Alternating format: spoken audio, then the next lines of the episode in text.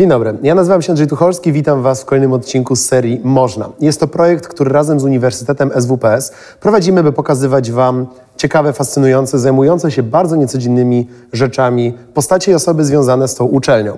Dzisiaj moim gościem jest profesor Cieślak. Dzień dobry. Dzień dobry. Panie profesorze, rozmowa jest wyjątkowa, bo nie dość, że jest Pan profesorem i zajmuje się naukowo psychologią, jest Pan również rektorem Uniwersytetu SWPS. Od kilku miesięcy, to prawda.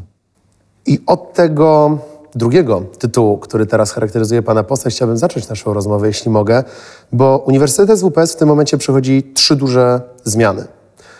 Po pierwsze zmianę nazwy, że Uniwersytet Humanistyczno-Społeczny jest czymś w miarę nowym, a po drugie jest unowocześniana i podlega ewolucji mm, oferta, którą z którą studenci mogą się zapoznać, dzięki której mogą potem zdobywać wykształcenie. I właśnie po trzecie teraz pojawiła się pana profesora osoba na czele tego wszystkiego. A jak się przygotować do takich zmian? Jak to wygląda od wewnątrz? Pan mówi o trzech zmianach. Tych zmian jest pewnie znacznie więcej, e, ale chyba najważniejsze jest to, że nasz uniwersytet stał się uniwersytetem dzięki temu, że miał pewną strategię.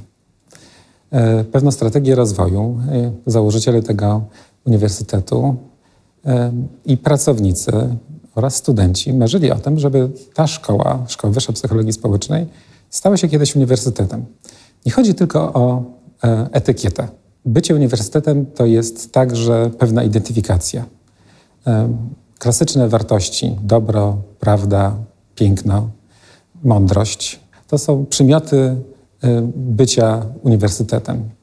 My do tego w naszej strategii zawsze mówiliśmy jeszcze odwaga, otwartość i odpowiedzialność.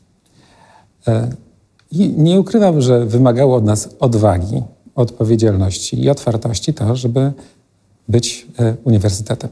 Co więcej, żeby być dobrym uniwersytetem, musimy nadal te wartości przejawiać. Drugi aspekt, o który Pan pytał, dotyczy pewnej przemiany programu studiów. Uważam, że to jest nasza ogromna przewaga. E, to, że możemy e, aktualizować programy e, studiów w oparciu o to, co się dzieje na rynku, ale także w oparciu o to, jak szybko rozwija się wiedza. My chcemy odpowiadać na te potrzeby z jednej strony rynku, z drugiej strony pokazywać, jak nauka odpowiada na te potrzeby, jak może być odpowiedzią na te e, potrzeby. No i trzeci aspekt, o który Pan pytał, to jest zmiana na stanowisku e, rektora. Mój poprzednik, pan profesor Andrzej Eliasz, mój mentor, także promotor pracy doktorskiej, był rektorem przez 20 lat. Ja jestem tym rektorem od września zeszłego roku, czyli kilka miesięcy, ale miałem okazję przygotowywać się do tej roli, pracując wcześniej.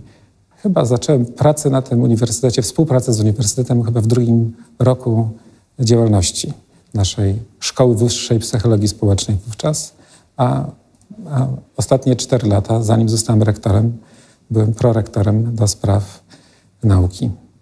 E, mam wrażenie, że znam sporo osób na tym e, uniwersytecie, znam e, silne strony tego uniwersytetu, znam też słabe strony uniwersytetu.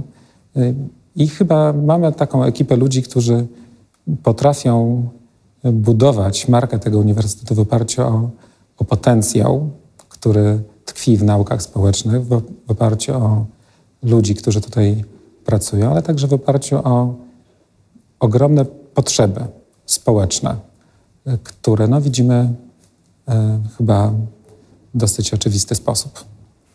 W jaki sposób um, łączona jest taka ciągłość istnienia zarówno nauki, jak i pewnych kierunków? Mm, pan profesor, mm, spodobało mi się to e, porównanie, że nawet to przekazanie funkcji rektorskiej również było taką a, pewną formą ciągłości przez relację pana z pana mentorem.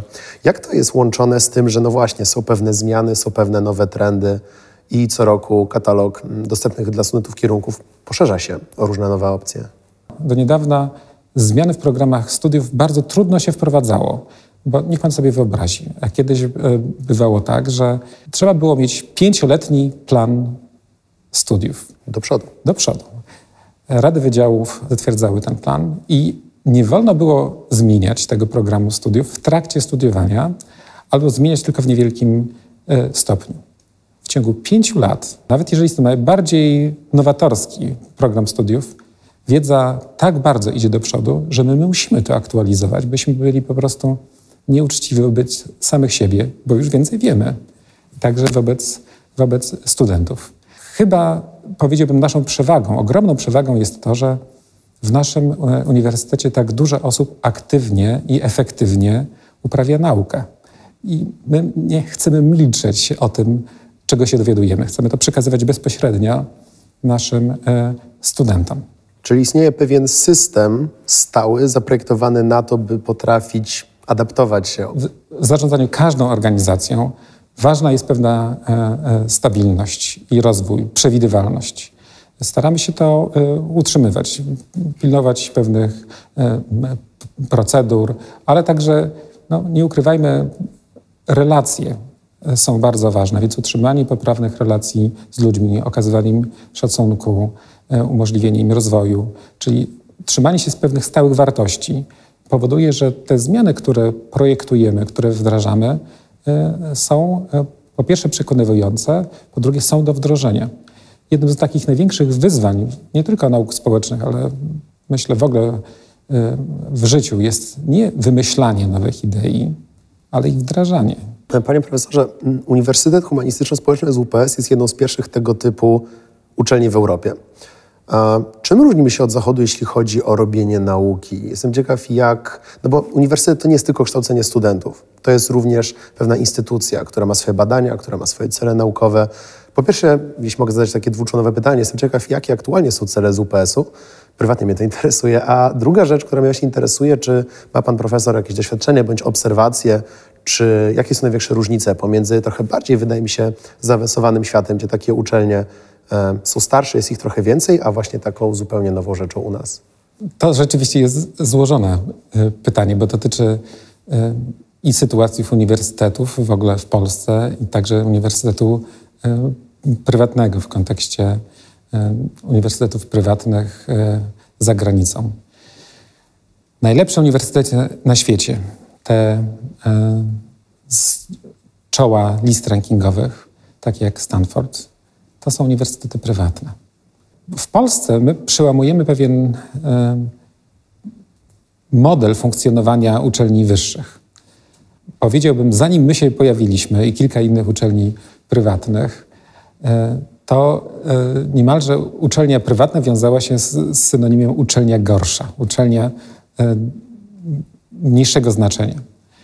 No, pokazujemy wszystkim, trochę sobie, trochę innym, że to może być przewaga. Że dzięki temu, że jesteśmy uczelnią prywatną, to nie tylko powinniśmy dbać o dobre relacje z interesariuszami, z otoczeniem społecznym. Nie tylko jest to zewnętrznym nakazem, ale naszym wewnętrznym kodem DNA.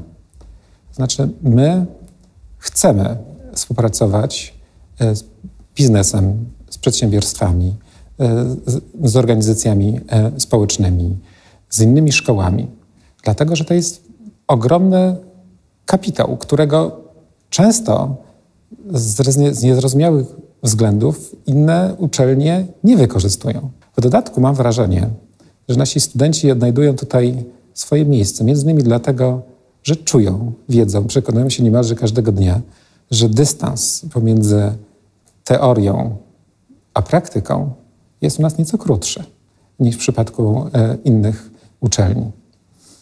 E, to, co jest istotą e, bycia uniwersytetem, to są oczywiście te wartości, o których powiedziałem na, na początku, ale wartości są na ustach wielu instytucji, na ustach wielu osób.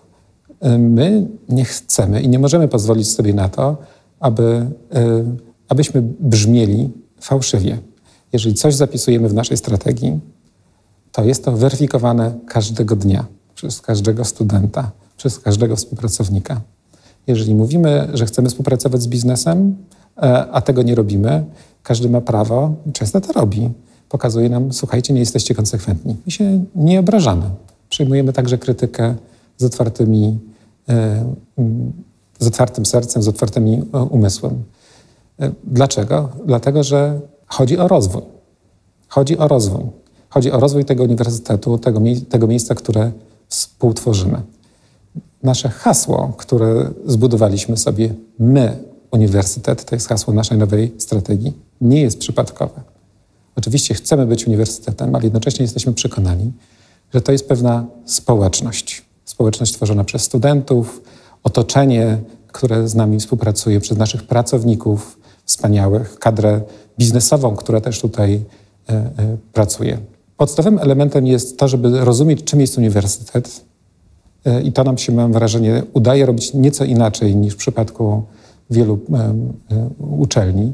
A druga rzecz jest także ważna, żeby rozumieć, czym jest nowoczesna edukacja i czym jest współczesna nauka, jak się, jak się ją uprawia. Te trzy elementy powiedziałbym, że są bardzo ważne.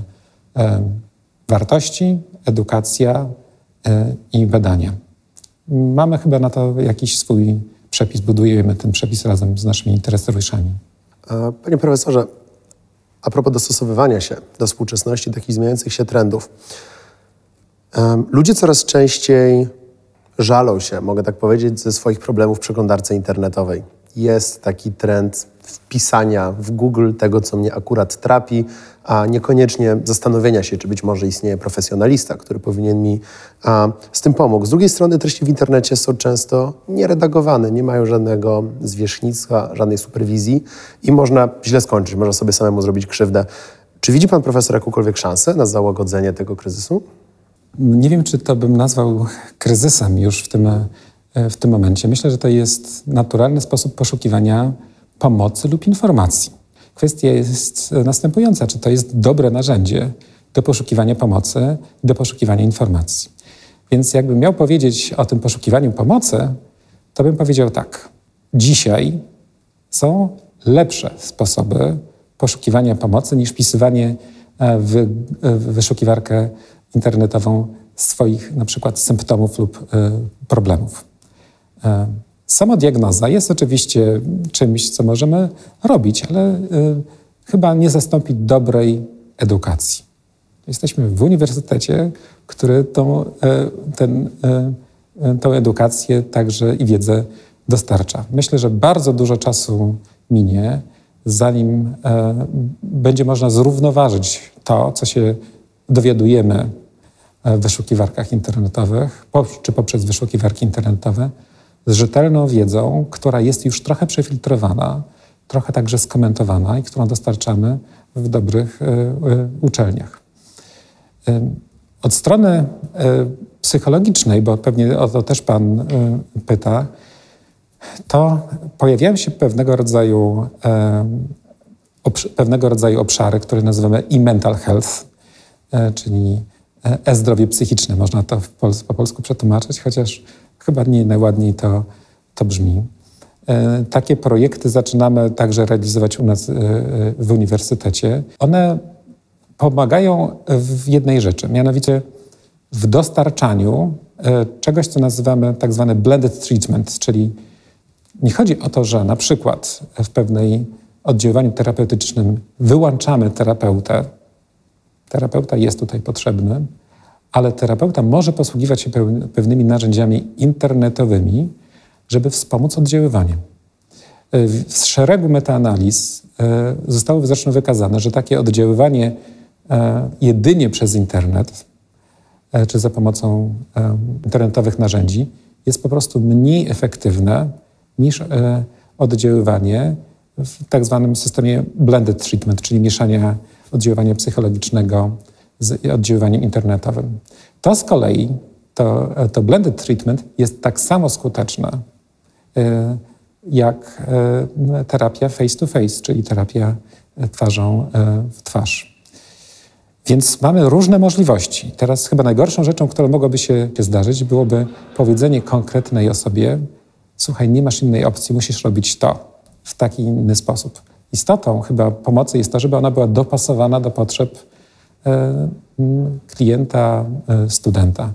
E, I staramy się to robić, pokazywać, jak to można uczynić, także poprzez narzędzia internetowe. Czyli nawet jeśli narzędzie byłoby uniwersalne, w jakiś sposób dostosowane, że można je zaadaptować do dowolnego pacjenta, pacjenci są ludźmi, są na tyle różni, że i tak będzie potrzebny człowiek, który będzie nadzorował ten proces. Usługi psychoterapeutyczne, te dostępne online, oczywiście projektuje człowiek. W oparciu, i to jest bardzo ważny element, w oparciu o sprawdzone w badaniach protokoły. Nie chodzi o to, i to bardzo często powtarzam w rozmowach o takich oddziaływaniach przez internet, żeby produkować ładnie wyglądające gadżety, które wydają się, że pomagają.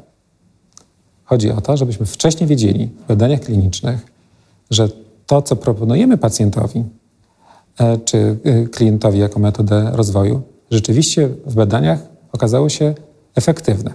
Co więcej, zadajemy sobie jeszcze pytanie o implementację, o której dzisiaj też mówiliśmy. Musimy wiedzieć, że, że to, co wymyśliliśmy, jest w jakiś sposób też atrakcyjne dla ludzi, którzy będą musieli za tą usługę e, e, w końcu zapłacić ostatecznie. Ktoś zawsze e, płaci, czy to jest usługa, czy to jest ubezpieczyciel na przykład, czy, czy, czy, czy pacjent.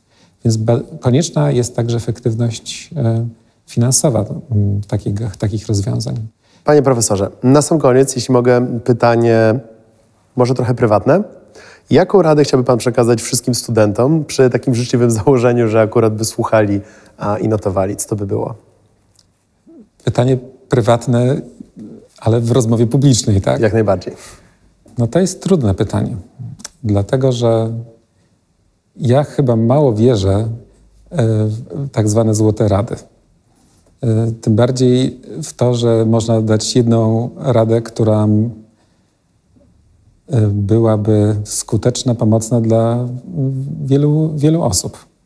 Jakbym miał szukać czegoś uniwersalnego, e, to bym trzymał się chyba bardzo prostej zasady, że to, co jest w życiu stałe, co może być stałe, to są nasze, e, to są wartości, e, które mm, nie tylko powinniśmy wyznawać, ale także e, realizować.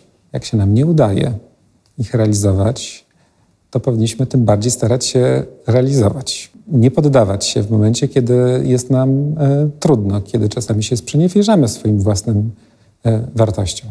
Jakie to są wartości? Myślę, że każdy powinien sobie sam odpowiedzieć. Te wartości z jednej strony są nam potrzebne do tej stabilizacji, o której też trochę rozmawiamy, ale z drugiej strony są nam też potrzebne do tego, żeby móc się komunikować. Powiedziałem dzisiaj o postprawdzie, ale też powiem o pewnym problemie postdialogu. Myślę, że trochę przestaliśmy rozmawiać, zatraciliśmy taką umiejętność rozmowy. Między innymi dlatego, że już nie opieramy się zawsze na tych samych wartościach. Trochę są, nie są już te uniwersalne wartości, albo patrzymy na swój własny jedynie interes. Spodobała mi się ta odpowiedź, bo w swojej uniwersalności zawarła jednak to, że są różnice indywidualne i trzeba widzieć drugiego człowieka. Bardzo dziękuję za rozmowę. Dziękuję bardzo.